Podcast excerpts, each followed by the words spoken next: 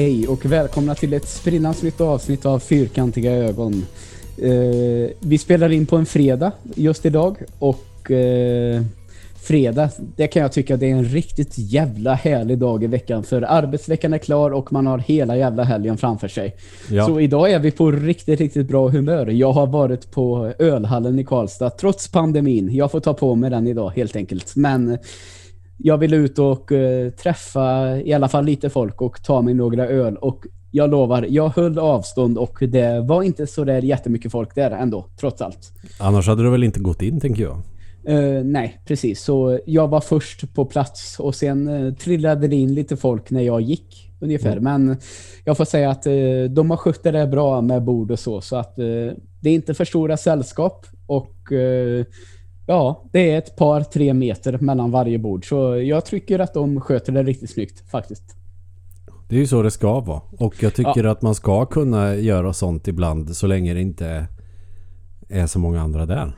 Eh, exakt, och jag känner det eh, eftersom jag eh, bor själv. Jag träffar ju inte så där jättemycket folk just nu, så jag behöver komma ut lite då och då och eh, träffa lite människor helt enkelt. Och eh, riktigt skönt att få göra det faktiskt, får jag säga. Ja, det, ja, det var länge sedan som jag var ute på lokal så att säga. Alltså så, Ja. typ på en restaurang eller någonting. Mm. Man är ju mest hemma. Ja, så är det ju. Jag var på ölhallen även i lördags, men innan det så var det i alla fall ett par månader sedan jag var ute. Så det, det har gått lång tid. Det har ju varit ett perfekt ställe för den här after work-ölen. Alltså att man på fredag eftermiddag bara tar ett par öl och sen eh, tar sig hemåt. Och har, så att man är hemma vid sex igen. Mm. Men eh, jag tycker att det är skönt att göra det faktiskt. Ja men det är väl klart. Det är jäkla mysigt. Jag var ute på isen förra helgen och dratta på arslet när jag fick på mig ett par skridskor. Jaha du, eh, ja skridskor, det har ju aldrig riktigt varit min grej. Eh, jag kommer ihåg, eh, det var ju fortfarande när du och jag jobbade ihop som vi var och spelade curling. Och det var ju inte min grej. Jag hade verkligen hoppats att det skulle vara min grej. Men jag klarar ju inte riktigt den där balansgrejen. Jag har ju aldrig åkt skridskor egentligen. Så det... Uh, nej, det var ingenting för mig. Men det såg väldigt, väldigt roligt ut och, när ni andra körde i alla fall. Ja, det var hysteriskt roligt. Men jag kunde åka skridskor bra när jag var tonåring. Mm. Så jag tänkte någonting borde väl sitta kvar. Nej, nej, nej, nej, nej, nej, nej. Jag kunde, jag kunde inte ens ta mig framåt. Nej, men jag tyckte att du skötte det rätt bra. Du ska inte vara den nu. Ja, på curlingen var det ju lugnt. Mm. Ja, när, när, men... när jag körde vänsterfotat så gick det ju. Första gången när jag körde högerfotat så var det ju för fan omöjligt. Men Mm. jag körde vänsterfotat så gick det ju bra. Men nej, men när jag skulle åka skridskor i helgen, det var ju en Ja, ja, total katastrof. okej. Men det var också lite kul så jag skulle vilja träna på det där igen. Ja, då så. Oj. Eh, jag hoppas att du inte drattade på arslet uh, allt för eh, aggressivt så att eh, du, Nej. Du, du, du är uppe och rör på dig i alla fall, Emil. Ja, alltså grejen var att eh, det var en rätt god vurpa men det gjorde inte ont och jag har inte haft ont efteråt heller. Nej, perfekt. Så det var, det var väldigt lugnt faktiskt. Men eh, annars så gör jag ju nästan ingenting. Nu har det i och för sig varit en väldigt intensiv vecka. Vi har haft gymnasiearbetesvecka och då är det ju my- väldigt mycket att göra och eh, fantastiskt askul är det också. Typ bland det roligaste jag har gjort. Ja, men då så. Det låter härligt. Men eh, jag var trött när jag kom hem. Jag... Eh, ja, får vi se. Jag hoppas att inte mina föräldrar lyssnar på det här. Men jag höll på att somna vid ratten två gånger och märkte att oj, det är kurva här. Ja, ja. Eh, så trött får du ju inte köra helt enkelt. Så Nej, Får, så jag fick sätta mig upprätt och eh, koncentrera mig på vägen. Grejen är ju att jag kör i mina föräldrars bil och eh, sätet är så jävla bakåtlutat. Även om jag har vridit för att jag vill helst sitta upprätt. Mhm. Jag vill inte ligga ner när jag kör bil men i den bilen ligger man nästan och eh, ja, då fick jag ju försöka sätta mig upprätt. Ja, Men det gick ju bra. Det var inte så katastrofalt men att eh, man tappar fokus, halvnickar fast man fortfarande har ögonen öppna. Och inser att oj, det är en kurva här, då ska jag inte köra rakt. Ah, exakt. Så det, det ska man fan passa sig för. Så Mm. eh, ja, jag är vid väldigt gott humör och jag är fruktansvärt sliten. Ah, ja, uh, ungefär uh, alltså, gott humör det jag vid och kanske inte så speciellt sliten jag heller egentligen. Utan eh, det rullar på ganska bra nu. Eh, både privat och på jobbet. Så det... Japp, det är som det är. Ja, det är härligt lite ljusare på dagarna också. Ja, verkligen. Det har, det har gått snabbt tycker jag. Mm. Man eh, blir alltid lika förvånad men eh, det, det är skönt att det inte är knallmörkt eh, redan strax efter fyra nu. Det känner Mm. jag ändå. Så att man får lite tid på sig att eh, njuta av lite ljus även Mm. efter eh, arbetstid så att säga. Det är viktigt att göra det också. Mm. För ens både fysiska och psykiska välbefinnande. Så passa på att gå ut i solen mellan era genomspelningar. Men vi kanske ska kicka igång det här lite grann. Jag har några grejer jag skulle vilja nämna innan vi tar veckans ämne. Och jag vet ju att du har lite grejer också du skulle vilja ta upp. Eh, är det någonting du skulle vilja börja med? Eh, ja, jag skulle kunna börja det så här att jag har ju fastnat i en sån här... Eh, jag har sett väldigt, väldigt mycket film hittills i år. Eh, jag var inne i en sån här period där jag kanske sov lite dåligt och istället för att försöka eh, sova hela natten så gick jag upp och började kolla på film istället. Och av någon jävla anledning så hamnade i såna här svenska kriminalare. Så hittills i år så har jag ju betat av alla Beck-filmer och eh, alla Johan Falk-filmer och har nu inlett att titta på de här Wallander-filmerna med Christer Henriksson. Mm. Eh, och jag kan säga så här, eh, det är väl mycket som... Det är så jävla svårt att prata hur bra man tycker att de egentligen är. Det kan jag väl säga att eh, både Beck och Johan Falk eh, fann jag nöje i att titta på. De Mm. tycker jag de är ganska bra, ganska många av dem. Ehm, första säsongen av Wallander, eh, det är det som hon Johanna Sällström är med i. Känner du till henne? Ja, det gör jag. Ja, det är hon som tyvärr inte är med oss längre. Ehm, Det tycker jag väl att eh, säsongen med henne, och det har ingenting med just eh, den skådisen att göra, men var oerhört pajig. Ehm, har verkligen tagit sig i de säsongerna som är efter henne. Mm. Och jag tycker att de är ganska mysiga att se sådär Mm. kort och gott. Och eh, jag tycker att Christer Henriksson är en väldigt, väldigt bra skådespelare och han gör Wallander på ett trovärdigt sätt. Så kommit igång med att kolla på svenska kriminalare. Eh, det kanske jag inte trodde att jag skulle göra på det här sättet, men eh, man fungerar lite märkligt i den här eh, pandemin helt enkelt. Och sen har jag redan bestämt mig för att jag har fått ett litet uppdrag av vår gemensamma, gemensamma polare Max att eh, han sa eh, kan du inte se alla Fast and Furious-filmer och skriva lite om dem och prata lite om dem på eh, podden. Mm. Eh, så jag visst, eh, bara jag har betat av de här Wallander-filmerna så ska jag ge mig an, eh, ska jag ta mig an eh, Fast and Furious-filmerna hade jag Mm. tänkt.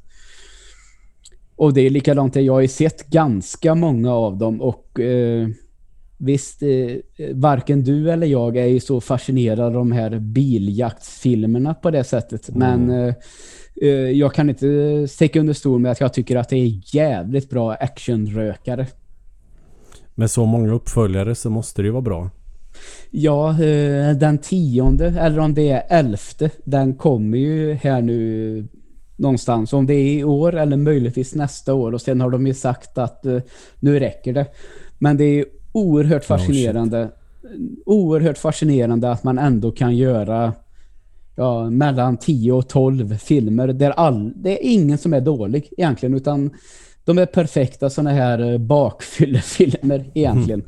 Och eh, det finns ju värre saker än det menar jag. Ja, det är det ju. Mm. Ronny Brolins filmer till exempel. Ja, eh, exakt. Som jag faktiskt i dagarna har flyttat ner ett betygssnäpp eh, allihop. Okej, från 1 till 0. Eh, nej, men alltså jag tänker så här. Det är så jävla svårt med betyg tycker jag. Att eh, sätta ett.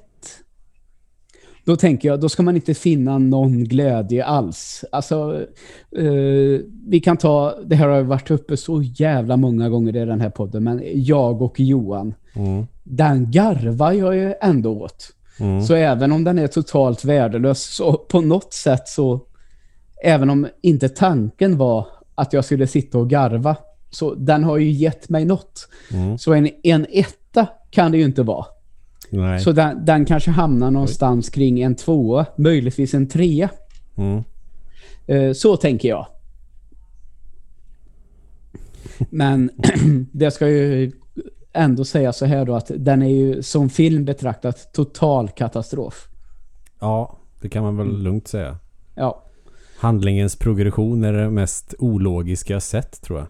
ja exakt. Ehm, Och sen eh, vet att vi har hånat dig mycket, eh, Ronny Brolin. Jag tror för fan eh, inte för fem öre att du lyssnar på den här skiten. Men om det är så att du lyssnar så har du i alla fall utvecklats som eh, filmskapare. Det får jag ge dig. Hej. Att du, du gör bättre filmer än vad du gjorde från första början. Vad gött för dig. Ja. Och eh, samtidigt kan man säga att han gör ju i alla fall film till skillnad från mig till exempel. Så vad har jag att säga om det där egentligen? Ja.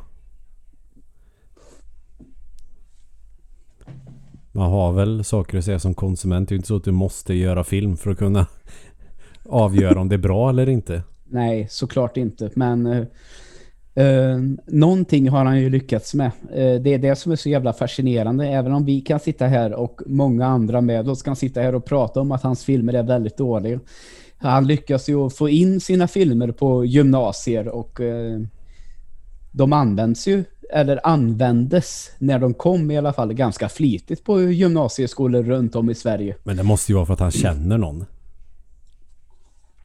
Ja, eh, jag vet inte. Han har ju varit en stor del av det här studiefrämjande. Så jag vet inte om de kan dra i lite trådar hit och dit till exempel. Jo, det tror jag. Mm. Och att då ingen har någon koll på alls vad det är som visas. Men varenda jävla lärare som har visat jag och Johan måste ju känna att det här blir inte bra.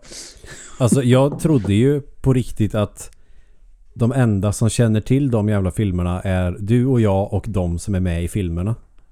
Ja, det kan man ju tro. Men eh, jag har ju jag har faktiskt eh, ja, forskat lite. Det är väl att ta i. Men eh, jag vet att de har använts på ganska många gymnasieskolor runt om i landet. Och inte bara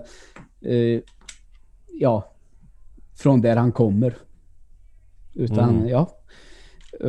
Så någonting har ju karljäveln lyckats att uppnå i alla fall. Och all heder till det, det får jag ändå säga. Ja, vad fan. Han har ju gjort någonting i alla fall. Ja, exakt. Eh, jag tänkte på en annan grej nu när vi ändå pratar pajig film. ja. Någon gång så måste vi ju prata om filmen Nordexpressen.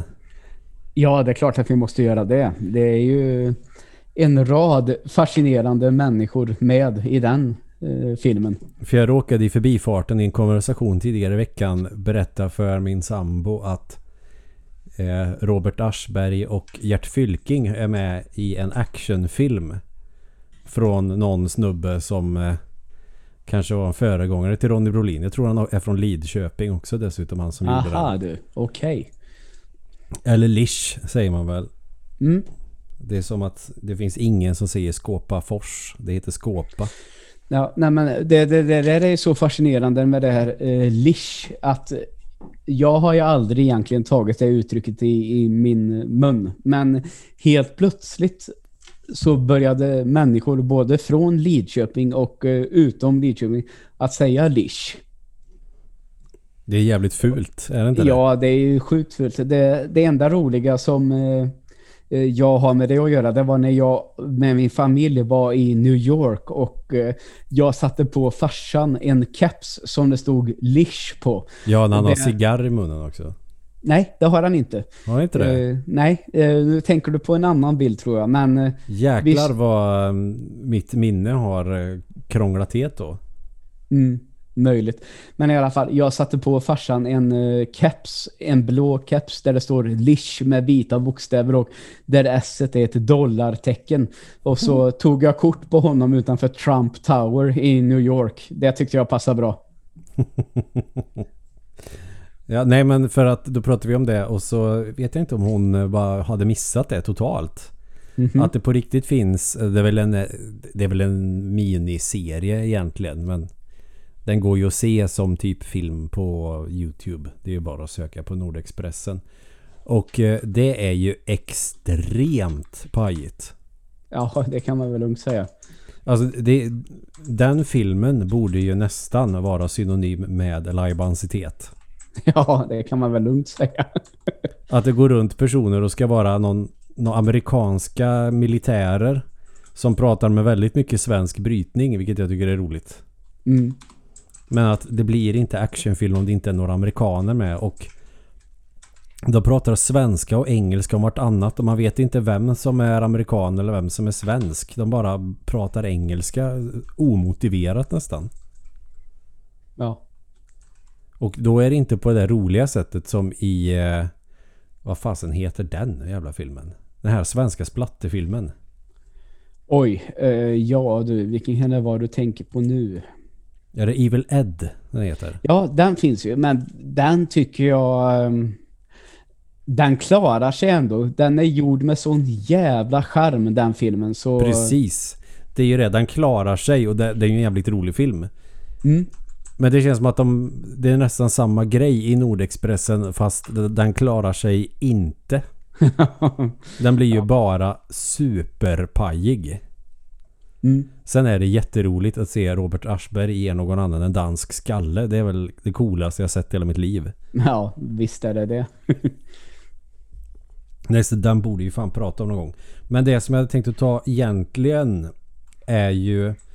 Jag blev lite såhär, ja ah, fan vad coolt. Ett eh, Team 17 Mhm. ska komma med ett nytt spel som såg ut att bli jävligt coolt. Eh, Narita Boy heter det. Okej. Eh, så här mysig pix- eh, indie-pixel-grafik är det ju. Alltså lite artsy grafik. Där man springer runt i någon... Eh, man har hamnat i någon digital värld. Tänk ungefär eh, Captain N. Mhm. Fast, i, fast det är datorer då snarare än Nintendo-tema. Okej. Och springer man runt och slåss med lite lasersvärd. Det såg jävligt coolt ut. Eh, jag kan inte beskriva så mycket mer för jag har bara sett en trailer. För det har väl inte kommit än. Och tyckte liksom Fan vad coolt. Team 17. Fan gör de spel fortfarande?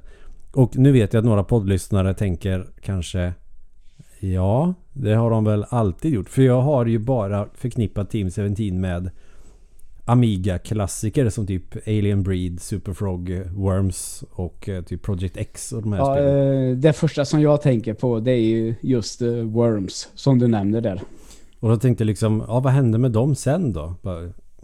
Ja, de har ju gjort mer Worms-spel framförallt. Mm. En jävla massa Worms-spel. Alltså de har ju hållit på hela tiden. Och så bara inte fattat det. Jag trodde att det var som andra sådana här gamla spelutvecklare att typ som DMA Design Ja, som blev Rockstar sen. okej. Ja. De gjorde ju Lemmings och sen blev det GTA. Mm. Ungefär. Så jag tänkte om det var något sånt där. Men nej. Still going strong. Det är ju för fan de som gjort Overcooked-spelen. Det har jag total missat. Aha, ja ja. Det Så ser man. jag, jag trodde så här, åh det är några retrohjältar som har hittat tillbaks på. Nej, de har hållit på hela tiden. Och det skäms ju lite över att jag totalt missat. Ja, Men ja. det verkade ganska coolt i alla fall. Mm. Eh, För just det du nämner Overcooked, både ettan och tvåan har ju hittat sin marknad kan man väl lugnt säga. Ja, ja, jag spelade det med mina bandkamrater. Jag har aldrig blivit skriken på så mycket i mitt liv. Nej men det, det är väl hela grejen med det här spelet att eh, man blir skriken på. Helt sanslöst. Mm. Det är ju destruktivt för fan. Ja visst är det det. Men också ganska roligt. Mm. Men min gitarrist var ju väl kanske inte asnöjd efter att jag garvade åt honom när han skrek. Nej det Men vad fan det, det får man ju tåla om man ställer upp på det spelet. Eh, Ja, herregud. Ja, det, det, tål, det tål vi båda två. Det, det är ju lite kul också. ja ett visst tag. är det det. Ja absolut. Och så såg jag att det ska komma en uppföljare på Sonic the Hedgehog också. Uh, Okej. Sonic the He- eh, vi- Vilken typ av uppföljare blir det i så fall? Alltså är det en uppföljare på Mania eller hur? eh, Nej. Var landar det i kronologin så att säga? Ja, precis. Vad bra att du ställde den frågan. Alltså en ny film som kommer i april 2022. Ja, ja, ja, ja. Du pratar, ja, det ska du göra. Och det kan jag säga att eh, den första filmen där, den tyckte jag var långt bättre än vad jag någonsin hade kunnat tänka mig att en Sonic-film skulle vara. Den var riktigt bra faktiskt. Det verkar så, för det kommer en uppföljare nästa år i april. Så det tyckte Ja. jag var ja, fasiken Ja, eh, det noterade jag häromdagen också. Det kom en liten sån här teaser häromdagen. Mm. Och sista grejen Ja, som jag tänkte jag skulle ta upp. En, en grej som när man tänker här, ja nu har vi pratat om scalpers, vi har ägnat ett helt avsnitt åt det.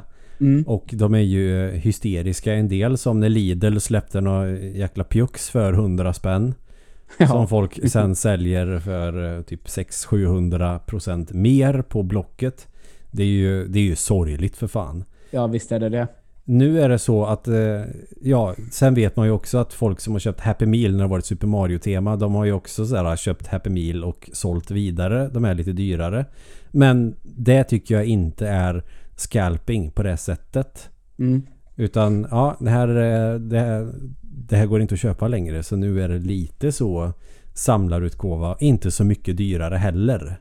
Nej, Så precis. det räknas inte. Däremot så har folk köpt upp en jävla massa Pokémon-leksaker i Happy Meal nu. Så att Aha. ungarna som vill ha de här Happy Meals med Pokémon får inga Pokémon. För det är en massa vuxna snubbar som har köpt alla de här jävla Pokémon-figurerna. Ja, det är ju också märkligt. För att sälja säga. dem vidare. Mm. ja, men det, är- ja, det är fascinerande att höra faktiskt. Det får jag ändå säga. Och då vet inte jag om man kan köra med det här. Om om folk slutar köpa Pokémon-gubbar för överpris skulle det här aldrig hänt. Nej, nej, nej. Eller så kan ju folk bara ge fan i att köpa dem och sälja dem dyrare. Mm, exakt. Så det tyckte jag var ruttet. Det var det som jag ville ta upp innan vi sätter igång. Mm. Ja. Så vad säger du Joel? Dina första intryck då får vi väl säga om The Medium. Ja, det får man säga att The Medium, det är väl det första liksom ja, det blir ju diss igen Mm. på något sätt. Alltså, eh, det är ett spel som är gjort för eh, PC och Xbox Series X och S. Mm. Så det funkar inte på de tidigare konsolerna, så kan man väl säga. Mm. Och eh, det är väl kul att det nu liksom kommer eh, lite spel som ska, liksom ska pressa de nya konsolerna ordentligt. Mm. Och eh, det är ett spel som ska vara kanske ha en marknadsfört som ett spel i det här survival horror-genren. Mm. Eh, jag kanske inte tycker att det är så mycket survival för det är väldigt svårt att dö i det här spelet. Det kan jag tycka. Men att det kanske är, det är ett skräckspel, absolut. Mm. Men eh, att det kanske är mer en interaktiv upplevelse är det den känslan jag har fått av det jag har spelat hittills. Ja, det som ändå kännetecknar survival horror det är att du ska försöka överleva odds som är emot dig med begränsade resurser. Det här spelet är ju inte så. I alla fall som jag ehm, upplevt det. Utan det är mycket, du ska lösa lite pussel. Eh, Du ska ta dig in i en dörr till exempel och så eh, är det att du får reka området som du just nu befinner dig i. För då kanske du kan hitta en skiftnyckel så att du kan öppna en dörr och då kan du skjuta fram en låda och då kan du klättra upp och ta dig in Mm. i ett fönster och så vidare och så vidare. Uh, hittills har jag inte stött på några sådana där hjärnspöken direkt utan jag tycker att alla pussel är ganska man förstår ganska snabbt vad det är du behöver göra för att, Mm. ta, dig vid, för att ta dig vidare. Plus att det är inte heller så linjära pussel att du vet exakt vad du ska göra. Att du ska bara för att öppna den här dörren så du måste gå till det här rummet och hämta en nyckel. Utan lite klurigt är allt och på ett bra Ja, sätt. eh, hela grejen med det här spelet är att eh, eh, karaktären som du spelar är ju just ett medium. Så hon kan ju i, dels interagera i den vanliga världen och sen i någon form av eh, eh, jag tror att Andevärld. ja, jag tror att de kallar det för spirit world, så vi kan kalla det för eh, precis vad det är, en andevärld. Mm. Och då är det så att när du kommer i kontakt med den här andevärlden, då ser du liksom båda världarna samtidigt. Och det tycker jag, det är ändå ett ganska coolt koncept kan jag tycka. Mm. Att eh, så du får en sån här klassisk split screen som när du spelade Mario Kart med dina grannbarn typ. Men här så rör du dig, du ser din karaktär i den verkliga världen och i andevärlden. Mm. Och eh, de ser ju ganska olika ut ändå, får man ändå säga. Och, eh, Det är ungefär som i Silent Hill. Du har den vanliga världen och den rostiga världen. mm. och eh, det betyder ju också att du till exempel kan utnyttja vissa saker i olika världar. Mm. Så ibland så måste du röra dig i den här andevärlden för att till exempel ja, ladda upp din karaktär eh, så att hon kan använda sina förmågor. Mm. Eller så kan du i den vanliga världen utnyttja din förmåga för att eh, lyssna på en konversation som har ägt rum, ägt rum långt tidigare. Och det kan man göra med föremål som man hittar. Det kan vara någon sko. Det kan vara en lapp, papperslapp eller en gammal telefon. Och så finns det ett litet ljusstreck och så ska du vrida på den här telefonen så att du hittar det här lilla strecket. Eh, meningslös grej egentligen men ja ja, varför inte? Det Eh, drygar ut speltiden och så sen när den när du har hittat den så hör du någonting. Inte helt olikt eh, Silent Hill Shattered Memories. När du börjar uppfatta att det är någon vålnad som står bredvid dig. Du tar fram mobilkameran i det här spelet, tar kort och så sitter det någon på en gunga till exempel på Mm. kameran men inte i verkligheten. ja, Och då eh, hör du den personen ringa till dig i telefonen och prata. Mm. Och eh, just det spelet, när vi spelade det på Wii så utnyttjade det just Wii-moten på ett Mm. väldigt eh, finurligt sätt. Det får jag ändå Mm. säga. Så uh, Shattered Memories, det ska väl vara, rätta mig om jag har fel nu, men det är det första Silent Hill Hill-spelet va? Fast någon form av reimagination eller något sånt där. Är det inte så? Man kan säga att det är samma grundstory som Silent Hill 1 men i ett parallellt universum så att handlingen är egentligen helt olika. Ja, just det. Det som Eh. påminner om varandra är att han kraschar med en bil och hans dotter är borta. Mm. Det är där så de liknar varandra men annars är det två helt olika stories. Ja, men just i visst känns det som i det här spelet The Medium, eh, det är väl Silent Hill som har varit den stora inspirationskällan i alla fall. Det borde det vara. Ja, det, det är min känsla i alla fall. Mm. Och eh, sämre inspirationskällor finns ju där ute. Mm. Eh, och av det jag har spelat hittills, eh, det har ju fått lite blandad kritik eh, kan man väl säga. Att eh, de allra flesta tycker att eh, det har varit mysigt att spela igenom. Man blir inte speciellt rädd trots att det är ett skräckspel. Och där kan jag väl hålla med. Att jag tror att jag kommer kunna ta mig igenom det här spelet och tycka att det var en trevlig upplevelse för stunden. Mm. Och det, jag tror att det, det landar på någonstans kring 6-8 timmar sådär. Och det tror jag är helt lagom för det här spelet. Ja, och jag tycker väl att det är väl en bra beskrivning av spelet. Det är trevligt. Det är inte särskilt asbra. Det är inte dåligt. Det är trevligt. Ja. Och visst fan kan man tycka så att kan inte spel bara få vara trevliga ibland? Allting behöver väl inte vara en 10-poängare. Nej. Utan man kan nöja sig med någonting som är en sexa eller en sjua ibland också. Alltså, Ja, och det ju betyder inte vara ju- överambitiösa spel. nej, och det betyder att eh, det här spelet, det har varit kul att köra igenom. Jag hade riktigt roligt. Men det var inte fantastiskt. Nej. Och eh, det är likadant med film. Ibland kan jag känna att jag vill se en jävla Wallander-film ibland och bara tycka att, eh, att det här kunde stå på. Jag blir underhållen i den här en och en halv timmen och eh, sen går jag vidare. Ungefär så. Ja, det första jag tänkte på när jag spelade spelet. När man tänker okej nu är det... Jag tycker nästan att man kan kalla Xbox Series X för Next Gen fortfarande. För att det finns ju fan inga spel. Eh, mer än några gamla som är optimerade för S och X. Men... Så att ja, det känns lite som att man fortfarande väntar på nästa generation på något sätt. Mm. Konsolen har kommit men inte spelen. Så Nej. jag hade ju rätt höga förväntningar att det skulle vara... Det är snyggt men det är inte Next Gen snyggt. Nej. Och då tycker jag väl ska det vara... Är det så att det är mer story det här handlar om? Att det är mer narrativet som är styrkan? Då kanske jag vill ha Next Gen grafik. Jag tycker det ser ut som ett Xbox One eller PS4 spel. lite grann. Och Ja. då, nu, är, nu är jag verkligen petig ska väl tilläggas.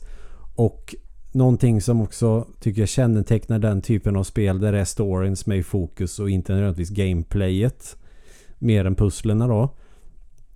Det är att jag kanske är hemsk och kanske har fel i många öron. Men jävlar vilka usla kontroller det är. Eh, ja, eh, det håller jag verkligen med om. Men här undrar jag, eh, har eh, utvecklarens mål, har de varit att eh, du vet så som det brukar kallas för tank controls. Det Mm. som var på de tidiga Resident Evil och kanske även Silent Hill-spelen. Har de försökt att hylla den kontrollen på något sätt? Ingen aning och om de skulle göra det så kan man undra vad fan håller ni på med? Ja, eh, för bland annat så när jag spelar det här spelet så blir jag väldigt, väldigt frustrerad av att jag styr karaktären med den vänstra styrspaken. Och då vill jag väldigt, väldigt gärna styra kameran med den högra. Men det är ju bara att glömma i det här spelet, utan kameran är fast. Och det kan ju kännas extremt omodernt. Och det hade väl gått att köpa ifall vinklarna jag gavs var väldigt, väldigt bra. Men ibland så känner jag så här att nu är kameran väldigt nära marken eller den är väldigt, väldigt högt upp. Jag skulle vilja justera den lite, men den möjligheten har jag inte ens. Och Nej. det blir frustrerande, men jag tror att deras tanke är att eh, i den här skräckupplevelsen som de ville ge oss, att jag ska inte ges den möjligheten, men tyvärr så lyckas det inte fullt ut. Det är lite för dåligt helt enkelt. Man vill ha så, tanken är väl att det ska vara så trånga korridorer så det känns lite läskigt. Ja, exakt. Men de vinklarna får de inte till, det tycker inte jag heller. Och det känns också lite som att fasen det här hade man ju kunnat fixa. Och en annan grej som jag tänkte på med kontrollen är att eh, det är en halv sekunds input lag. Ja, eh, det släpar lite. Det håller jag med om. Och eh, för att jag hade en tickande klocka som jag jämförde med. Och Mm. när den tickade så drar jag på styrspaken och nästan exakt en halv sekund senare börjar karaktären röra på sig. Och det förstår inte jag heller om det är så att man försöker ha någon viss typ av kontroll för utmaningens skull eller vad grejen är, om det är något syfte med det. Men jag förstår inte det syftet. eh, Att man ska ha en usel kontroll för något utmaningssyfte. Alltså kan Mm. inte gubben bara röra på sig och dra i spaken? Och innan någon börjar tänka på har du slagit på game mode på din TV? Ja. Ingen input lag i något annat spel förutom Alien Isolation. Det gick inte att spela heller. Nej. Så är det perfekt. Berättade ju förra veckan. Det är, liksom, det, det är perfekt. Jag har spelat Bloodstained, uh, Ritual of the Night väldigt mycket. Och eh, där är det ju, vill man ju ha sina frames och det är ingenting jag tänker på. Samma när jag spelar Tetris, perfekt. Mm. Utan det är kontrollen i medium som är uh, usel. Tyvärr. Ja. Eh, så är det. Um, och ibland kan man ju tänka att eh, man har ju spelat spel med eh, bland annat eh, Last of Us-spelen där jag tycker att kontrollen också eh, inte det att den ligger efter alltså att eh, man tappar frames till exempel. Men jag tycker att den är väldigt, väldigt stel i de spelen. Men det kompenserar ju andra saker så att man liksom man glömmer att kontrollen kanske är lite sisådär i de spelen. Det går ju att vänja sig vid eh, ibland. Att Mm, kontrollen är eh. inte optimal men det går att vänja sig vid det. Exakt, lite så, så tror jag inte att jag kommer känna när jag är klar med medium. Eh, Nej, det går inte att vänja sig med den kontrollen. nej, och eh, men som sagt var, jag tror att eh, det vi sitter och pratar om nu, det är att eh, jag tror att utvecklaren hade velat att vi sa det är så härligt att de hyllar de här gamla Resident Evil och eh, Silent Hill-spelen. Det känns verkligen som att man spelar ett eh, gammalt spel i modern tappning. Men riktigt där har vi tyvärr inte hamnat. Det, det är alldeles för irriterande, tyvärr. Då tycker jag kontrollen i Silent Hill och Resident Evil, båda första spelen i de serierna, har bättre kontroll. Mycket bättre kontroll. Ja, eh, det är bara... Där är det ju verkligen en vanlig sak. Jag kommer ihåg att jag skulle spela om eh, Resident Evil på min Playstation 3. Det är ju en herrans massa år sedan nu, men jag pallade ju inte de här jävla tank controls då, utan jag tänker att det har, det har hänt så mycket. Jag har spelat Resident Evil. Jag har fått min upplevelse. Jag behöver inte den en gång till. Nej, nej men och kör man då remaken eller och remastern på remaken då kan man ju ändå välja att ha ja, drägliga kontroller. Exakt. Och där funkar det bra. I Mm. remastern på Resident Evil 1 remaken där funkar kontrollen bra. De hade kunnat göra på exakt samma sätt med The Medium. Men där fuckade de upp. Jag vet inte, det kanske kommer en uppdatering där de fixar kontrollen. Men just nu så tycker jag att den är... eh, Nej, den drar ner betyget. Det gör den. Ja, eh, det gör den garanterat. Eh, Sen får man ändå säga att både du och jag eh, spelar ju The Medium via det här som kallas för Game Pass. Mm. Som är det här som Microsoft erbjuder nu att man, man kan ta del av spel utan att köpa dem. Istället så betalar man den här månadsavgiften och det gör väl att man har överseende med det så att man i alla fall kommer att ta sig igenom det här spelet. Och det är väl styrkan hos Game Pass kan jag ändå tycka att Mm. Eh, det var bara att installera och man kan testa det och man stöter på de här problemen. Men om man säger så här, vi har fått det gratis. Nu gör jag lite sådana här eh, Mm. kaninöron eller vad man brukar kalla det. Eh, Men jag tror att hade jag köpt det här spelet och betalat en 400-600 spänn för det, då hade jag varit ganska besviken. Ja, jag tänkte nämligen komma till den frågan. Om det nu är så att det spelet försvann från Game Pass imorgon. Skulle du köpa det då? För att bli helt klar med det? Mm, nej, det hade jag inte gjort. Då hade jag eventuellt... Eh, jag kan tänka mig att det här, eh, eftersom det har sålt ganska bra också. eh, jag har läst att den här utvecklaren, de har redan tjänat in eh, produktionskostnader för spelet. Så att det lär väl dyka upp förr eller senare i någon sån här reaback online. Så eh, 99 spänn. Det hade jag kunnat tänka mig att betala för det här spelet och spela Mm. klart det. Och det tror jag att det går du och funderar på det medium och eh, om du inte betalar för Game Pass, vänta tills det kommer på en real rea i så fall. Ja, det skulle jag nog också säga. Det skulle inte vara värt fullpris. Nej. alls. Eh, men eh, halva priset, någonstans mellan 99 spänn och eh, 250 kronor. Ja, absolut. Då kommer du få åtta timmars god underhållning, trots allt. Trots Mm. dåliga kontroller. För konceptet i sig gillar jag jättemycket. För det är Mm. ju väldigt likt eh, Shattered Memories på det sättet med att hitta ledtrådar, eh, höra konversationer som har hänt tidigare med någon som kanske har dött eller som inte har gått vidare till efterlivet. Om jag ska göra om ett engelskt uttryck direkt. Vad heter det? Livet efter döden. Att man inte har gått vidare. Själen är fast liksom i något limbo. Eh, och det är ju den här då själsvärlden. Och att man kan växla mellan de här, eh, inte helt olikt Metroid Prime 2 eller A Link to the Past och de här där man kan växla mellan två parallella världar. Det, så konceptet i sig är ju bra. Men tyvärr så är det mycket med kontrollen som sabbar upplevelsen.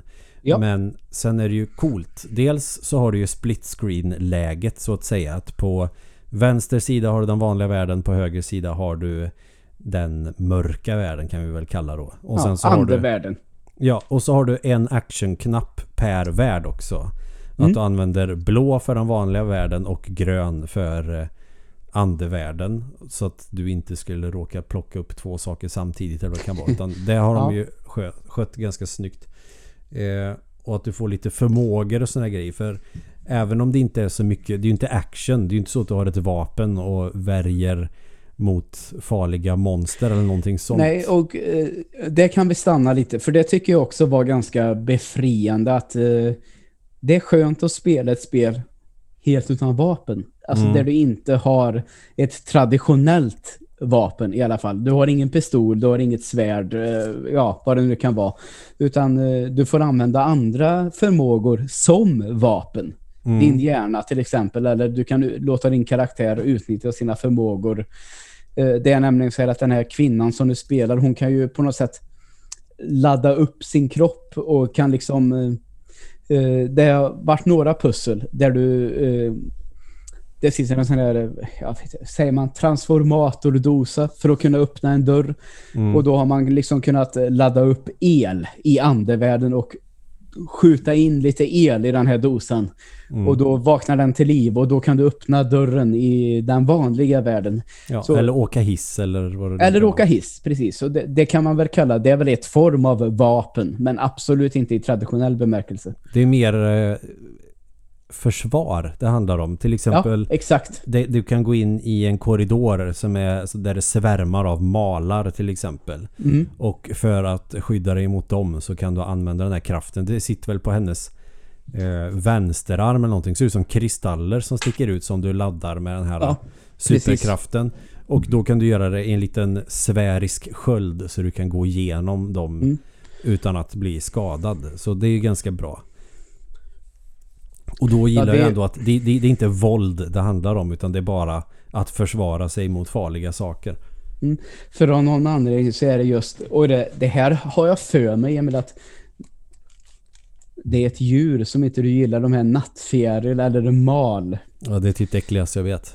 Ja, och av någon anledning så är ju det en, i alla fall tidigt i spelet, en fiende som eh, ställer till djävulskap för dig. Mm.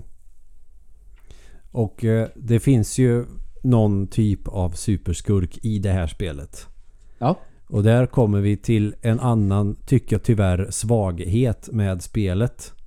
Och det är exakt samma svaghet som Last of Us har. Mm, och det okej. är ett spel med usla kontroller där du ska smyga.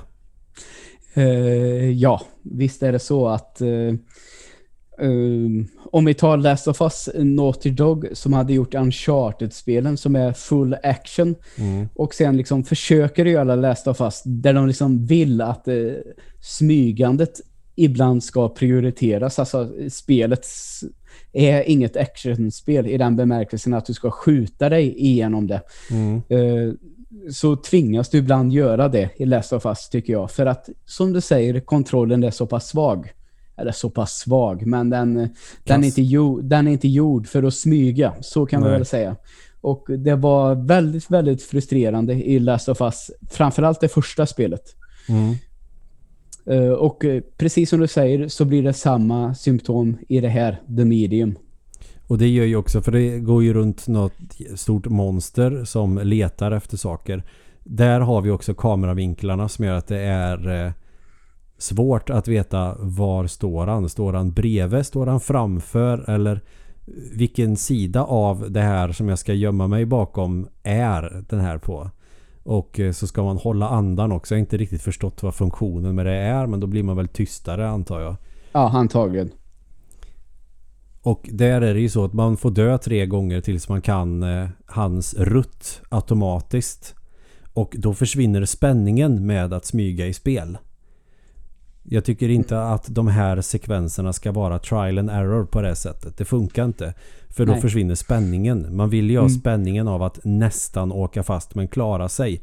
Här blir det Okej, jag kan inte gå den vägen för då dör jag. Jag kan inte gå den vägen för då dör jag. Aha, jag måste gå den här rutten för att klara mig och jag ska vänta tre sekunder här och då ska jag gå dit.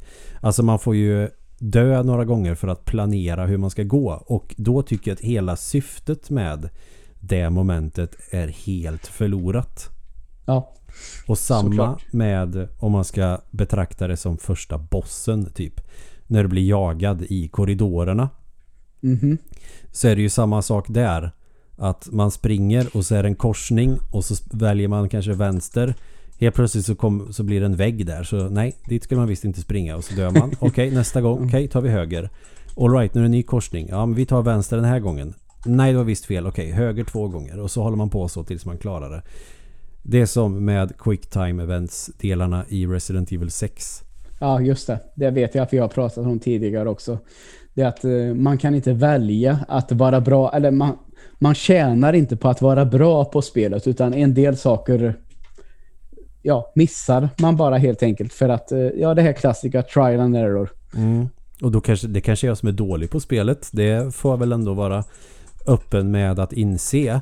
Men jag känner inte riktigt att det här är spel som har en kontroll som är gjord för den typen av moment. Nej. Fixade de kontrollerna så skulle spelet gå från en femma eller sexa i betyg till en sjua i alla fall. Ja. Och då vill man ju att ja, det ska vara spänning. Blir jag jagad av ett farligt monster då vill jag ändå känna att oj nu kanske han kommer nära. Även om det är skriptat att han kommer nära. Som det kan vara med vissa spel. Som... Eh, eh, ja det är också en parallell vi kan ta. Att man känner ändå att oj nu håller på att gå över. Ah, nu snubblar han på någonting. Ja fan vad gött. Nu kan jag, då kommer jag undan. Och så känns det gött efteråt. Man får lite adrenalinkick. Men när du ska dö fem gånger innan du tar igenom det. Då känner du mest bara okej okay, nu äntligen är det klart. Och då kände jag efter nästa gång när eh, när man är i den vanliga eller riktiga världen. Mm. Och den här gubben dyker upp igen och dessutom är osynlig. Ser ut som ungefär rovdjuret med sin stealth-kamouflage på. Mm. Om man ska smyga där. Då kände jag, nej nu skiter jag i det här.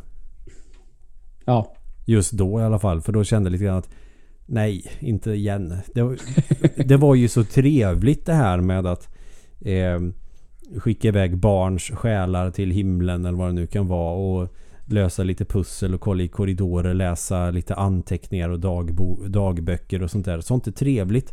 Och det är mysigt. Och sen, nej nu kommer ett jävla smyghelvete igen med Ja. en osynlig fiende. Och som jag sa förut, det är svårt att veta, okej är han framför eller är han bakom? Står han bredvid eller Mm. vinkeln är... Och när han dessutom är osynlig. Då kände jag också att nej, nu är det verkligen bara trial and error. Mm. Antingen står han där eller så gör han det inte. Och så... Man kan ju se var han står någonstans. Men det blir inte lättare av att vinklarna, kameravinklarna är lite sisådär i de det. lägena. Och då tappar man sugen. För då vet man, okej nu är det trevligt ett tag. Och sen blir det besvärligt och då känns det mer... Eh, det känns det mer som ett nödvändigt ont. Ja, just det. Nu, det a chore som man skulle säga på engelska. Det, det, Mm. det är, ja, okej nu måste jag göra det här för att få komma vidare. Så känns det mer. Ja, just det. Och det är ju inte kul då. Tänk om det var så i sig Dark Souls. Det är kul att ta sig vidare på banorna. Men sen kommer det till bossarna som är bara ah, orkar inte. Nej, Då är ju hela poängen med spelet eh, körd. verkligen. Att det mer känns som en kamp. Ja, exakt. Och det kan man säga... tålamodstest. Mm, Dark Souls är ju en kamp för många, men på helt rätt sätt. Ja, där är det ju utmaning. Det är tajta kontroller. Det känns som att fuckar jag upp så är det för att jag har fuckat upp och inte tillräckligt uppmärksam. I Mm. The Medium så känns det som att ja, nu får jag dö en gång då så jag vet att jag ska gå åt andra hållet nästa gång. Eller Ja. lära mig utan till hur den här gubben går. För du kan ju inte sitta och gömma dig för evigt heller för då kanske han slår sönder någon tunna du står bakom och så dör du. Sen kan du ju visserligen apropå de här krafterna med de här kristallerna eller vad det är som du har på din vänsterarm.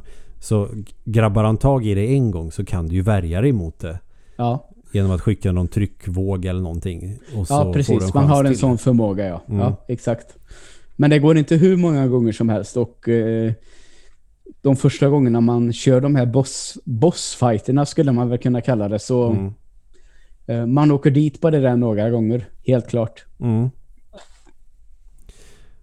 Så att eh, en del av mig tycker att det är eh, supermysigt spel. Eh, Mm. känns, inte, känns inte current gen för övrigt men man får, jag, jag ser det här spelet som en bonus tills att det kommer någonting nytt.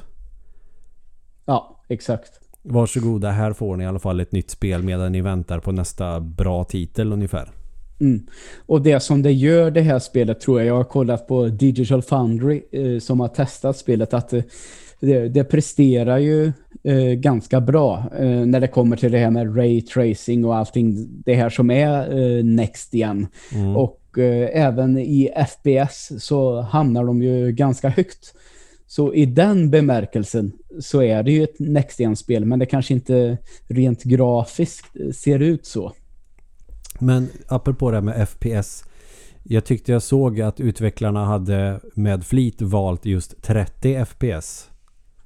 För att det skulle vara någon form av effekthöjare eller att det skulle att det passar spelet på något sätt bättre. Ungefär som att långfilm är ju 30 FPS. Det är ju inte många långfilmer som är i 60 mm. FPS. Nej. Det skulle vara typ, eh, inte fan vet jag, Blair Witch Project för att det är filmat med en hemkamera. Men att de okay. försökte sig på en sån grej med det här spelet. För det var också en sån här grej. Jaha, här har man köpt en konsol för nästan 6000 spänn. Nya spel ska vara supersnygga, högupplösta och ha bra flyt. Första mm. spelet som kommer som är current gen har typ inget av det. Nej, eh, jag vet att eh, jag kollar på den här videon när de har testat spelet att eh, eh det ligger kring 40 FPS på Series X till exempel. Mm. Och eh, lite mer på eh, PC-versionen då efter lite uppdateringar såklart. Mm. Och det är ju som det är. Å andra sidan så kan jag väl kanske känna så här att det är ett mångt och mycket ett ganska långsamt spel. Mm. Så att man kanske inte skulle tjäna så där extremt mycket på att pumpa upp det till 60. Um, ehm, om vi pratat om uh, Dark Souls till exempel. Det, det, kan man ju tjäna på att ha fler FPS. Mm. Uh, det tror jag inte man skulle göra på samma sätt i, i det här spelet. Nej, så jag, gameplaymässigt så tjänar du kanske inte på det. Nej, så jag vill jag känner att vissa spel kanske satsar mer på den grafiska biten. Mm. Och kanske lägger sig på 30 istället. Och det, det, kanske... Det kanske är det som det här spelet... Eh, tanken med det här spelet var att det skulle vara en visuell imponerande upplevelse snarare än eh, imponerande rent FPS-mässigt. Förstår du vad jag menar? Ja, jag förstår vad du menar. Sen tror jag nog, om jag ska försöka vara lite realistisk och inte bara klaga för att jag tycker ju om spelet. Det, sen råkar jag bara prata om det jag tycker är negativt. Men jag tycker väl att det är viktigt att få göra det. Så att jag känner att jag kan gå vidare och släppa det. Eh, men det kan kanske vara för att man ser två världar samtidigt. I vissa lägen. Mm. Som gör att då kanske det krävs mer. Jag vet inte. Jag, ah, å andra sidan tycker jag att det borde väl en Xbox Series X klara kanske. Och då förstår jag att då kanske man inte har 60 FPS då om du har två världar samtidigt med som ska laddas också som har sina olika platser och föremål som du kan undersöka. Och att du ska kunna växla mellan, för det kan du ju också göra. Eh, dels så kan du ju göra en out of body experience, alltså att är det ett pussel som innebär att du kan inte gå igenom den dörren i den vanliga världen men du kan gå igenom den i, i andevärlden. Då kan du göra en out of body experience. Det vill säga att du rör inte på dig i den riktiga världen utan då är du medvetslös. Så kan du gå med mm din själform eller andeform och undersöka rummet du inte kan komma in i. Det är ju en grej. Och ibland så är du bara i den riktiga världen eller bara i andevärlden. Så det är klart, den växlingen mellan två världar och laddningstider kanske gör att man inte kan ha hur mycket man inte kan ösa på hur mycket som helst. Så det är klart, måste jag ju tänka på också. Men 60 FPS borde det ju klara. När mm. det ser ut som ett PS4 eller Xbox One-spel. Ja, såklart. Eh, sen vet man ju att de prioriterar ju väldigt mycket upplösning och eh, hamnar man eh, i diskussionen om upplösning så vet man ju att eh, eh väldigt många tycks ju vilja ha det här 4K eh, och då vet man att det krävs extremt mycket för mm. att driva runt 4K i 60 FPS. Det är tufft mm. även för de senaste grafikkorten så det det tycks ju vara så också. Upplösning är hetare än FPS för gemene man. Men det kan jag nog tycka också egentligen. Jag hade nog bara hoppats på mer. Jag har nog haft kanske övertro till prestandan i min nya Xbox. Ja. Eller så fattar jag helt enkelt inte att det krävs mer än man tror. Det är nog sannolikt så. Men ja, det är klart. Upplösningen på spelet gör väl sitt också. Att det är 4K. Mm. Precis. Så jag vet inte riktigt var jag skulle placera betygsmässigt. Men säg en femma eller sexa. Det är godkänt. Ja, eh, det, det är väl så jag känner också. Jag tror att jag kommer tycka att det här var bra. Och eh, enligt min betygsskala så är det ju då en sexa. Mm. Alltså lite bättre än godkänt, men inte mycket mer än så. Nej, det skulle jag nog säga också. Så vad ser vi fram emot för spelsläpp i framtiden då? Ja, eh, jag vet egentligen inte. Utan jag, jag känner, jag ska försöka ta mig igenom det Cyberpunk nu efter många om och men. Eh, Mm. eh, och det är också ett sånt spel. Jag kommer ha så jävla svårt att säga vad jag egentligen har tyckt om det här spelet. Ehm, nästan som att man, eh, man skulle ge det ett betyg om två år. Då tror Mm. jag det kommer vara som bäst.